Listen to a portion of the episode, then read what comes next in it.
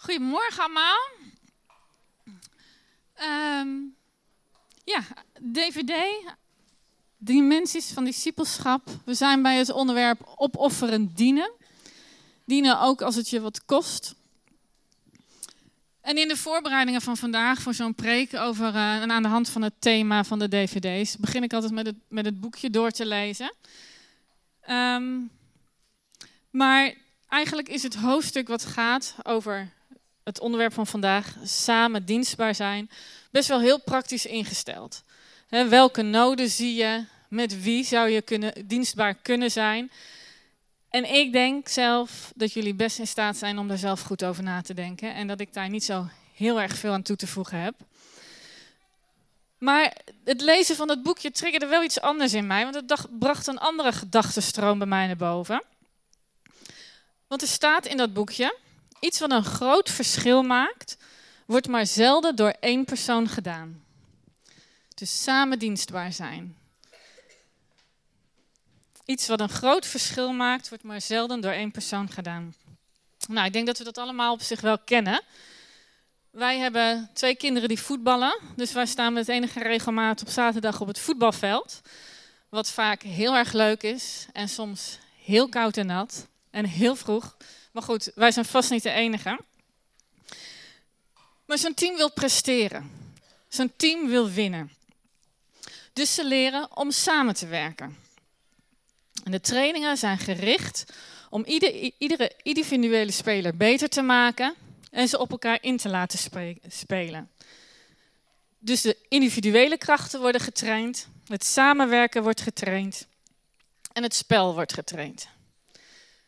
En waar de trainers het team iedere keer weer op wijst, is dat het winnen van de wedstrijd niet de prestatie is van één individuele speler, is niet de prestatie van degene die heeft gescoord, maar van het hele team.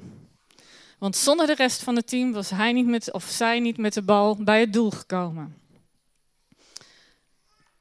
En wanneer je verliest, is dat niet de schuld van de keeper dan hebben jullie als team gefaald of zijn jullie tekortgeschoten om die bal bij het doel weg te houden. En in de rust hoor je de trainer de spelers aanwijzingen geven. Jij moet meer op je positie blijven. Jij moet je mannetje beter verdedigen. Jij moet meer dekken. En jij moet aanvallender spelen. Hij spreekt iedere individuele speler aan op zijn kracht, op zijn of haar plek op het veld en zijn of haar rol in het geheel om er samen een betere prestatie van te maken. Want het team functioneert het beste als iedereen doet waar hij goed in is, op de plek waar hij staat. En als het team leert gebruik te maken van de kwaliteiten van de ander en leert samenwerken. Dus er is een onderlinge afhankelijkheid. Maar ja, dat valt niet altijd mee. Want er is er altijd wel eentje. Want iedereen wil wel degene zijn die scoort. Dus er is er altijd wel eentje die ergens een keer op een moment in de wedstrijd die bal pakt en helemaal mee naar voren neemt. En wel of niet scoort. Maar zelfs als het lukt, wordt dat niet altijd gewaardeerd door het team. Want hij neemt enorme risico's. En hij mist de kwaliteit en de kracht van andere spelers. Voor een momentje van glorie. Dus het valt helemaal niet zo heel erg mee om met allemaal verschillende types samen te werken om tot een goede prestatie te komen. In het samenwerken moet je gebruik maken van de kwaliteit en de talenten van de ander. Maar daarbij krijg je vaak ook heel goed zicht op de eigenaardigheden van de ander. Dat is op het sportveld zo. Dat is op je werk zo. Dat is in de kerk zo.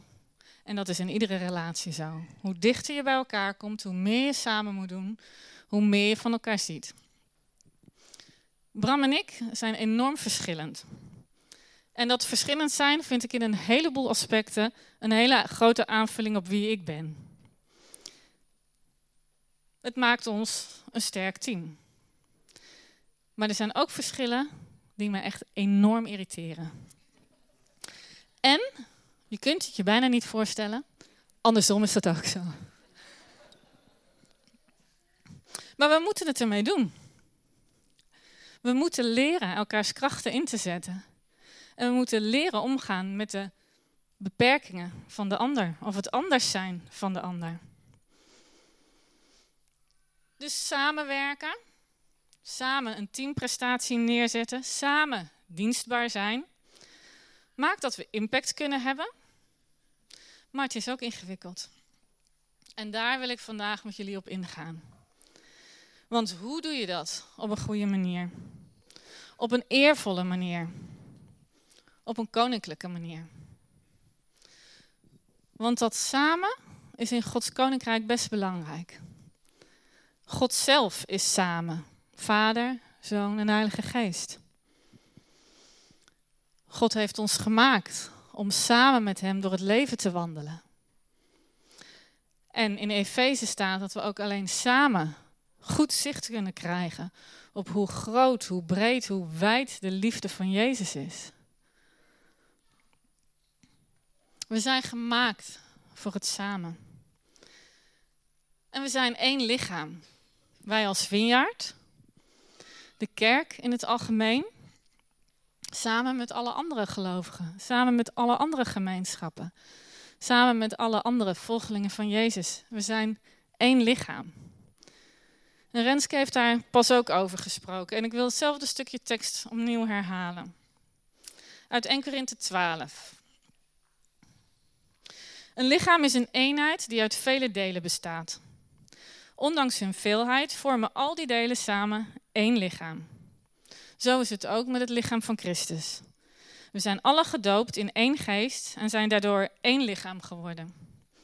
We zijn allen van één geest doordrenkt, of we nu Joden of Grieken, of we nu slaven of vrije mensen zijn. Immers, een lichaam bestaat niet uit één deel, maar uit vele. En als een voet zou zeggen: Ik ben geen hand, dus ik hoor niet bij het lichaam, hoort hij er dan werkelijk niet bij? En als een oor zou zeggen: Ik ben geen oog, dus ik hoor niet bij het lichaam, hoort het er dan werkelijk niet bij? Als het hele lichaam oog zou zijn, waarmee zou het dan kunnen horen? Als het lichaam, hele lichaam oor zou zijn, waarmee zou het dan kunnen ruiken? God heeft nu eenmaal alle lichaamsdelen hun eigen plaats gegeven, precies zoals Hij het wilde. Als ze met elkaar slechts één lichaamsdeel zouden vormen, dan zou, zou dat dan een lichaam zijn. Het is juist zo dat er een groot aantal delen is en dat die met elkaar één lichaam vormen. Het oog kan niet tegen de hand zeggen: Ik heb jou niet nodig. En het hoofd kan dat evenmin tegen de voeten zeggen. Wel nu. Dat betekent conclusie, let op. U bent het lichaam van Christus. En ieder van u maakt daar deel van uit. Wij zijn het lichaam van Christus. Samen met alle andere gelovigen. En ieder van jullie maakt daar deel van uit. Mag ik je een vraag stellen? Weet jij wat jouw plaats is in het lichaam? Want het schijnt dat je erbij hoort. God heeft nu alle delen zijn eigen plaats gegeven, precies zoals hij dat wilde. Jij draagt iets met je mee, wat niemand anders met zich meedraagt. Wat is jouw plek in het lichaam van Christus? Sta je op het veld? Sta je eigenlijk op de juiste positie? Of ben je geblesseerd geraakt? Zit je langs de kant? Ben je er even uitgehaald om tot rust te komen? Ben je buiten spel gezet? Zit je op de reservebank? En als je daar zit, Zit je daar dan omdat jij het wil? Of omdat iemand jou daar heeft neergezet? Een lichaam functioneert alleen als alle delen van het lichaam doen waarvoor ze gemaakt zijn. Zoals in een voetbalteam. De prestatie van het hele team verbetert als iedere speler doet waar hij goed in is. Op de positie waar hij hoort, in de rol die hij gekregen heeft. En dan samenwerken. De ander in, zijn positie laten spelen. Hem of haar zijn rol laten vervullen. En het dus ook niet overnemen, maar er dankbaar gebruik van maken. Zelf in je eigen rol en positie gaan staan en gaan leren functioneren. Je eigen identiteit en functie in het lichaam, in, het, in, in je eigen identiteit en een functie in het lichaam gaan staan. En de ander erkennen in wie hij is. En daar gebruik van maken. En dat betekent dus dat je niet kan zeggen: Oh, een oog. Ik had een oog moeten zijn. Ogen zijn veel beter. Als het lichaam alleen maar oog was, hoe zou het dan kunnen ruiken? We moeten helemaal niet allemaal hetzelfde worden. Hetzelfde doen. Dat beperkt het lichaam. Sterker nog, alles heeft zijn eigen plaats. En ieder heeft een eigen plek. Maar het betekent ook dat wij die plek die wij hebben op waarde mogen schatten. Want ieder deel heeft zijn eigen plek en zijn eigen functie, zoals God het bedoeld heeft. Want als een voet zou zeggen: Ik hoor niet bij het lichaam, hoort hij er dan echt niet bij? Ieder deel is van waarde. Bij ons op de wc hangt het volgende gedicht. Je bent zo mooi. Anders dan ik. Natuurlijk niet meer of minder, maar zo mooi anders. Ik zou je nooit anders dan anders willen. En dat hangt er niet voor niks, want anders zijn is best lastig. En soms ook wel irritant. En we zijn als mensen zo geneigd om elkaar te beoordelen, te veroordelen. We zijn zo geneigd om, elkaar, om ons te vergelijken met anderen. En we zien het anders zijn van de ander en we kunnen ons niet voorstellen hoe iemand denkt, hoe iemand werkt, hoe iemand functioneert.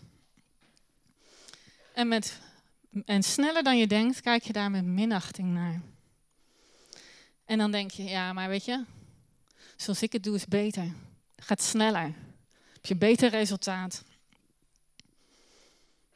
Of, uh, nou, zoals jij het ziet, daar klopt echt helemaal niks van. Dat, dat slaat echt helemaal nergens op. Je ziet het helemaal verkeerd. Het kan ook zijn dat we de kracht in een ander zien en dus denken: oh, zo moet ik dus ook, zo moet ik ook zijn. Dat is kennelijk hoe het hoort. In het samenwerken met Bram lopen wij daar ook wel eens tegenaan. Hij is wat rationeel, of wat? Hij is rationeler dan ik. Hij is ook strategischer dan ik. En dat zijn krachten die mij enorm aanvullen. Maar ik kan denken: oh ja, ik moet ook zo zijn. Ik moet het ook zo kunnen zien. In plaats van te waarderen dat hij dat vermogen heeft en daarop te bouwen. En dat ik andere krachten en talenten heb, ga ik mezelf ja, beoordelen, veroordelen. En als ik die gedachten in mijn hoofd toelaat, dan ondermijn ik de kracht van onze samenwerking. Want samen zijn wij een sterk team.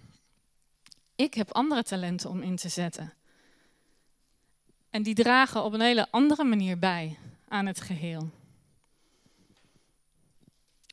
Dus wat ik eigenlijk dan doe, als ik denk ik moet eigenlijk ook zo zijn, is ik bagatelliseer de waarde van wie ik ben. En van hoe God mij gemaakt heeft. En de talenten die Hij in mij gelegd heeft. En ik waardeer de waarde van Bram hoger en beter en sterker dan die van mij. Maar dat klopt niet. Ieder heeft zijn eigen plaats in het lichaam. Zoals God het wilde. Dus wanneer ik denk, ik moet ook zo zijn, is dat eigenlijk een oordeel over mezelf. Een veroordeling van mezelf. Een oordeel, een veroordeling en de schaamte die daarbij kan, komen kijken, die beperken en die belemmeren het functioneren van het hele lichaam. Veroordeling van jezelf en van de ander, omdat je denkt dat je niet voldoet aan wat je zou moeten zijn. Veroordeling vanuit een gevoel van schaamte. Ik schiet tekort. Ik ben niet zo.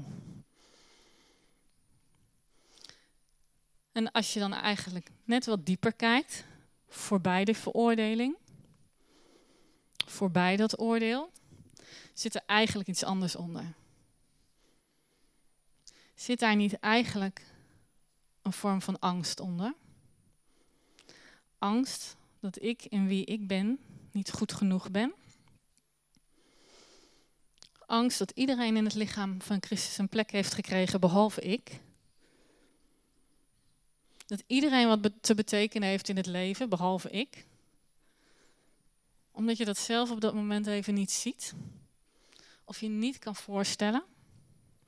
Want ja, ik heb ook niet die talenten en die gaven die die anderen hebben.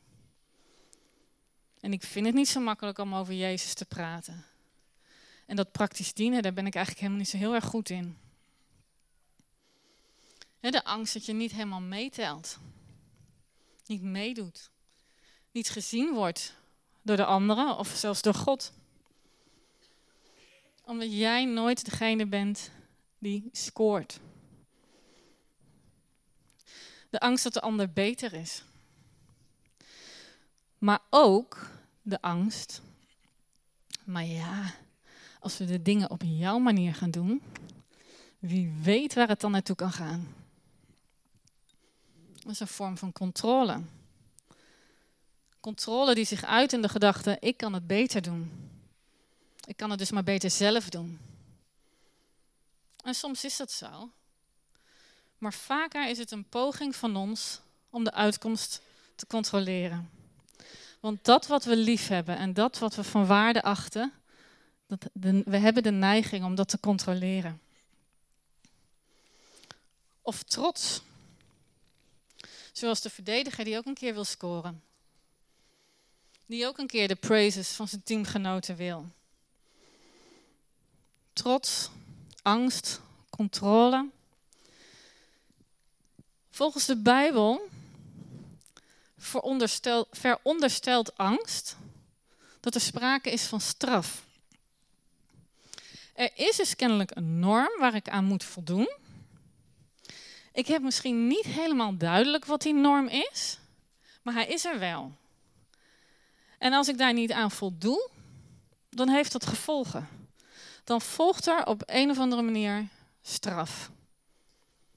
Misschien hoor ik er dan wel niet meer bij, word ik afgeschreven. De maatschappij zit ook best wel op die manier in elkaar. Aan de ene kant is er veel ruimte voor individuele vrijheid, maar het samen zijn we daarmee ook wel verloren. En als je alleen al kijkt naar het schoolsysteem, is heel erg gericht op presteren en waarderen. Het beoordelen van je prestaties. Goed, voldoende, matig, onvoldoende. Maar wat als je er niet helemaal aan kan tippen? Wat als je je best doet en toch iedere keer een onvoldoende haalt? En ook in de kerkgeschiedenis. De kerkgeschiedenis laat ook een mentaliteit van oordeel en straf zien. En alle goede werken die je kan of moet doen om die straf te voorkomen. En in relatie, in onze relatie met God, maakt dat dat ik me zo opstel dat ik me bescherm tegen de bestraffer wanneer ik de regels overtreed. Maar dat is niet hoe Gods koninkrijk werkt. Dat is niet hoe Gods koninkrijk in elkaar zit. Jezus heeft totaal iets anders bewerkt toen hij stierf aan het kruis. Het kruis heeft, het straf, heeft de straf en het oordeel van ons afgewend. en heeft ons genade gebracht. Het heeft ons opnieuw de mogelijkheid gegeven om relatie te hebben met de Vader, in plaats van aan wetten te moeten voldoen. En Romeinen 8, vers 1. Dus wie in Christus Jezus zijn, worden niet meer veroordeeld. Er is geen veroordeling. Geen veroordeling, maar een koninkrijk van liefde. En de norm van het koninkrijk van liefde is een wet van liefde en niet het onderhouden van regels. En het is die liefde die alle angst uitdrijft. En Johannes 4, vers 18. De liefde laat geen ruimte voor angst. Volmaakte liefde sluit angst uit. Want angst veronderstelt straf. In iemand die angst kent, is de liefde geen werkelijkheid geworden. En dat kan heel dreigend klinken. Misschien wel verwijtend. Maar dat is het niet. Het is een weg eruit. Het is een, de weg naar een leven in vrijheid en in liefde. Er is dus een mogelijkheid voor een ander leven. Onder het oordeel vandaan, onder de straf vandaan. Een andere houding en verhouding ten opzichte van God. En in plaats van een relatie die, die gebaseerd is op het voldoen aan de regels, ontstaat er ruimte voor een relatie gebaseerd op het hart, op liefde. Een relatie van hart tot hart. Gods koninkrijk is een koninkrijk van liefde, waar een atmosfeer van genade heerst en een cultuur van eer. In Gods koninkrijk heeft ieder deel een plaats. Ieder heeft zijn eigen plek, precies zoals God dat bedacht had. God heeft jou een identiteit gegeven. Een plek in dit lichaam. Een rol, een functie. En jij bent deel van dat lichaam. En dat lichaam, dat functioneert dus alleen maar optimaal als we leren onze eigen identiteit en functie te onderscheiden van die van anderen. En die te erkennen. En de ander te ontvangen met alles wat hij of zij te brengen heeft. Om de ander te ontvangen volgens de identiteit die God hem of haar gegeven heeft. Het lichaam van Christus, de kerk in de brede zin van het woord, en de kerk zoals wij die hier zijn, functioneert alleen als wij erkennen wie de ander is. Als we elkaar daarin eren. Als we elkaar daarin bemoedigen. Als we elkaar daarin ruimte geven. Als we elkaar helpen groeien. Als we elkaar opbouwen. En als we elkaar helpen om te wandelen in de volheid van de identiteit die God ons gegeven heeft. De identiteit die God jou gegeven heeft. En dat begint bij jezelf. Het begint met hoe je naar jezelf kijkt. Naar je eigen identiteit.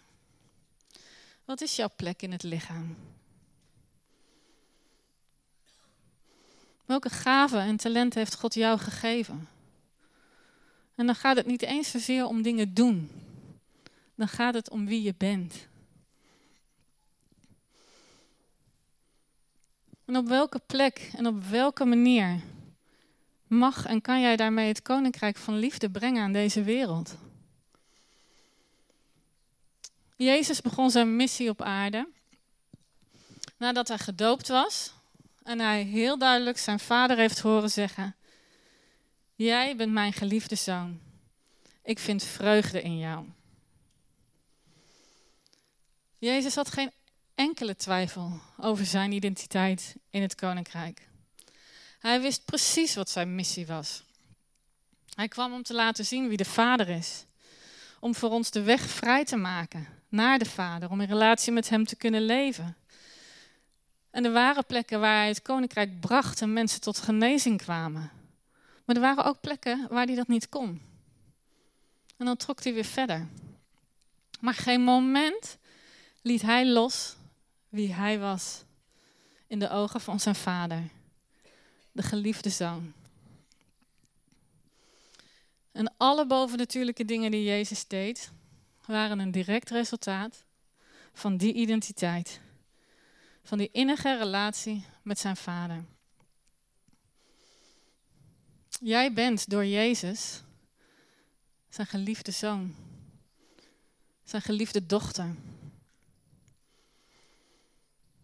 Als je gaat beseffen dat God echt heel gek op je is, dan verandert dat jouw kijk op jezelf.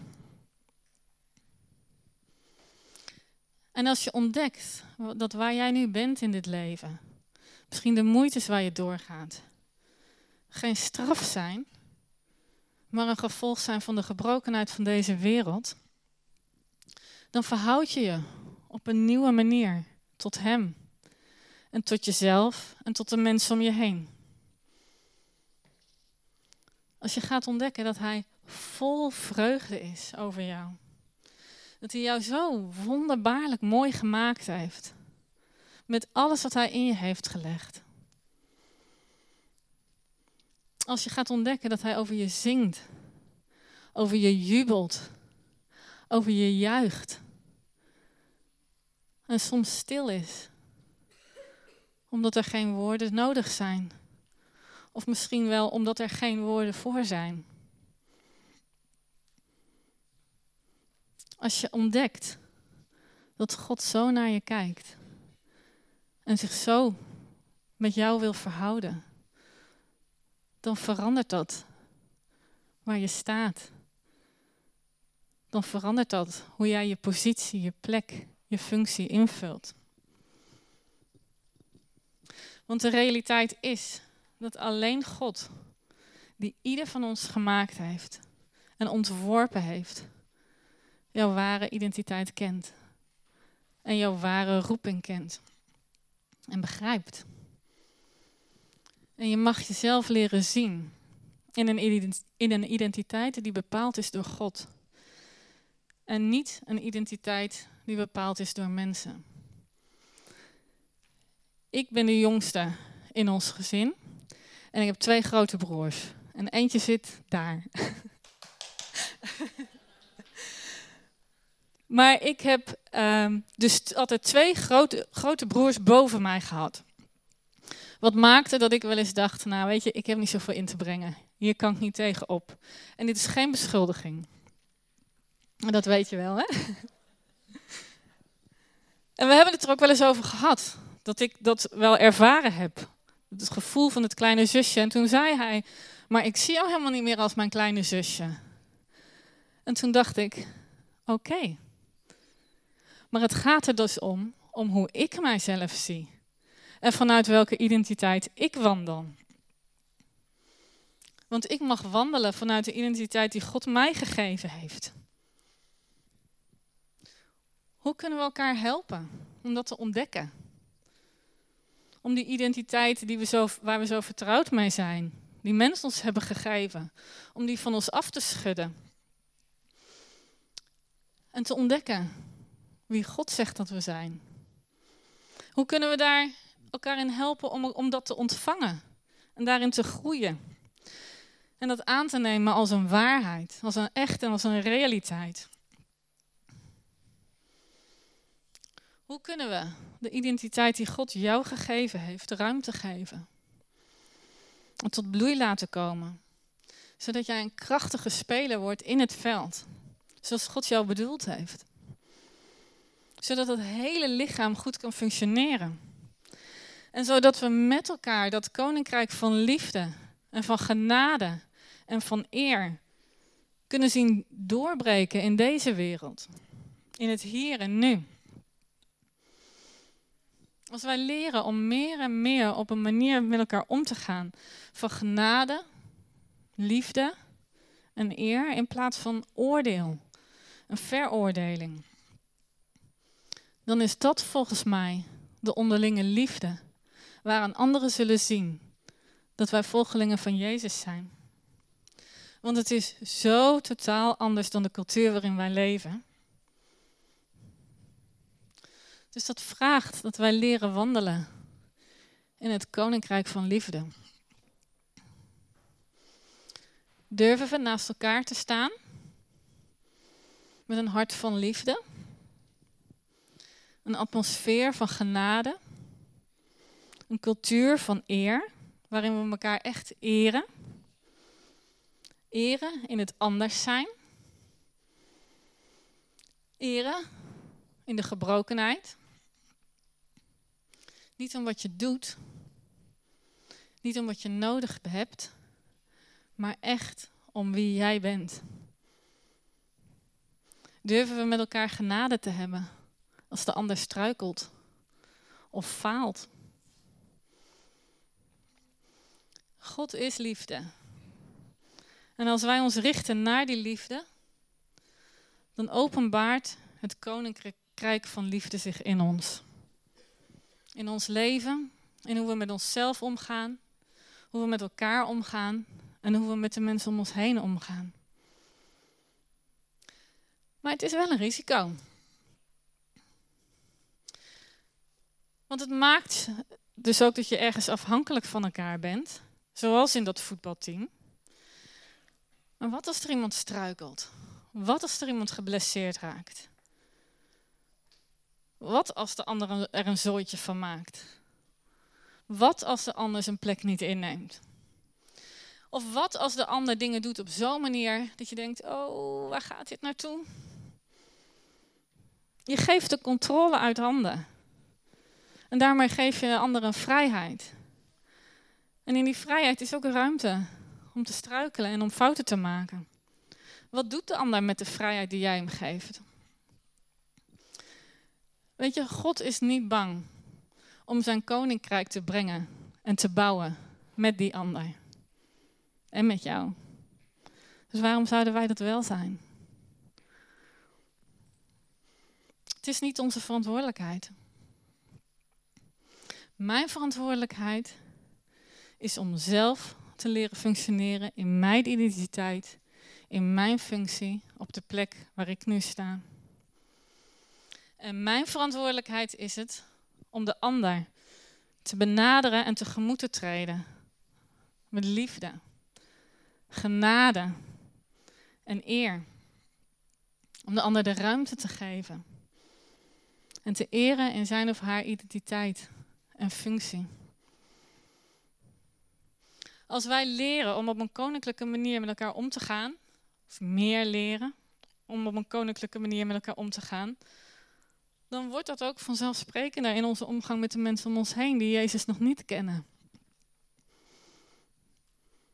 Dan maakt dat verschil. Dan zijn we op een andere manier samen dienstbaar en functioneert het lichaam in topvorm. God heeft in het lichaam alle lichaamsdelen hun eigen plaats gegeven. Precies zoals Hij dat wilde. En jij bent daar deel van. En het lichaam functioneert het beste als jij je plek, je positie, je identiteit erkent en omarmt. En daarin leert om optimaal te functioneren en samen te werken met de rest van het lichaam. En het lichaam functioneert alleen optimaal als we elkaar, als we elkaar helpen onze identiteit en onze functie, onze plaats in het lichaam te ontdekken en te eren. Als we meer en meer leren elkaar te zien en elkaar te bevestigen in de, in de identiteit als zoon, als dochter van God, zijn we samen een krachtig lichaam. En kunnen we samen groeien. En zo ruim baan maken voor het koninkrijk van God. Het koninkrijk van God. Een koninkrijk van liefde, van genade en van eer. Zullen we gaan staan?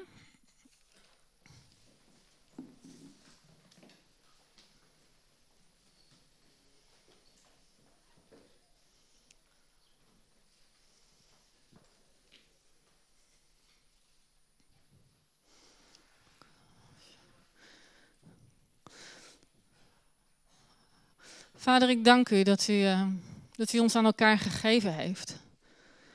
En dat wij samen uw lichaam zijn. En dat we samen dienstbaar mogen zijn aan de wereld om ons heen. Heer, en u weet hoe ingewikkeld dat soms is. Hoe we soms aan het stoeien zijn met wie we zelf zijn of met wie de ander is. Of hoe de wereld in elkaar zit.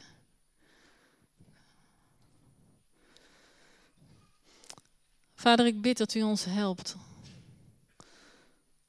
om de geur van uw koninkrijk te brengen in deze wereld. Overal waar we gaan. Heer, door wie we zijn, door wat we doen en door onze gebeden heen. En ik zegen jou. Je bent wonderbaarlijk gemaakt. En toen God jou maakte, zei hij: Het is zeer goed.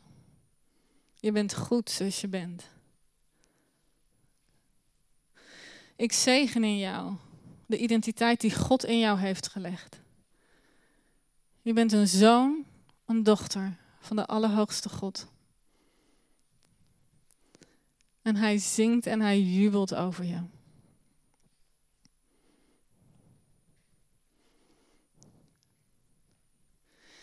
Heer, en ik bid dat u, dat u op dit moment de identiteit die, die u in ons heeft gelegd wakker roept. Heer, door alle generaties heen. De kinderen, de volwassenen, de ouderen. Ik spreek leven uit over de identiteit die God jou gegeven heeft. En ik spreek er bloei over uit in Jezus' naam en groei. En Heer, laat uw koninkrijk komen. Uw koninkrijk van liefde, van genade, van eer. In onze harten, in ons midden. En daarmee in deze wereld. Kom Heer. Kom Heilige Geest.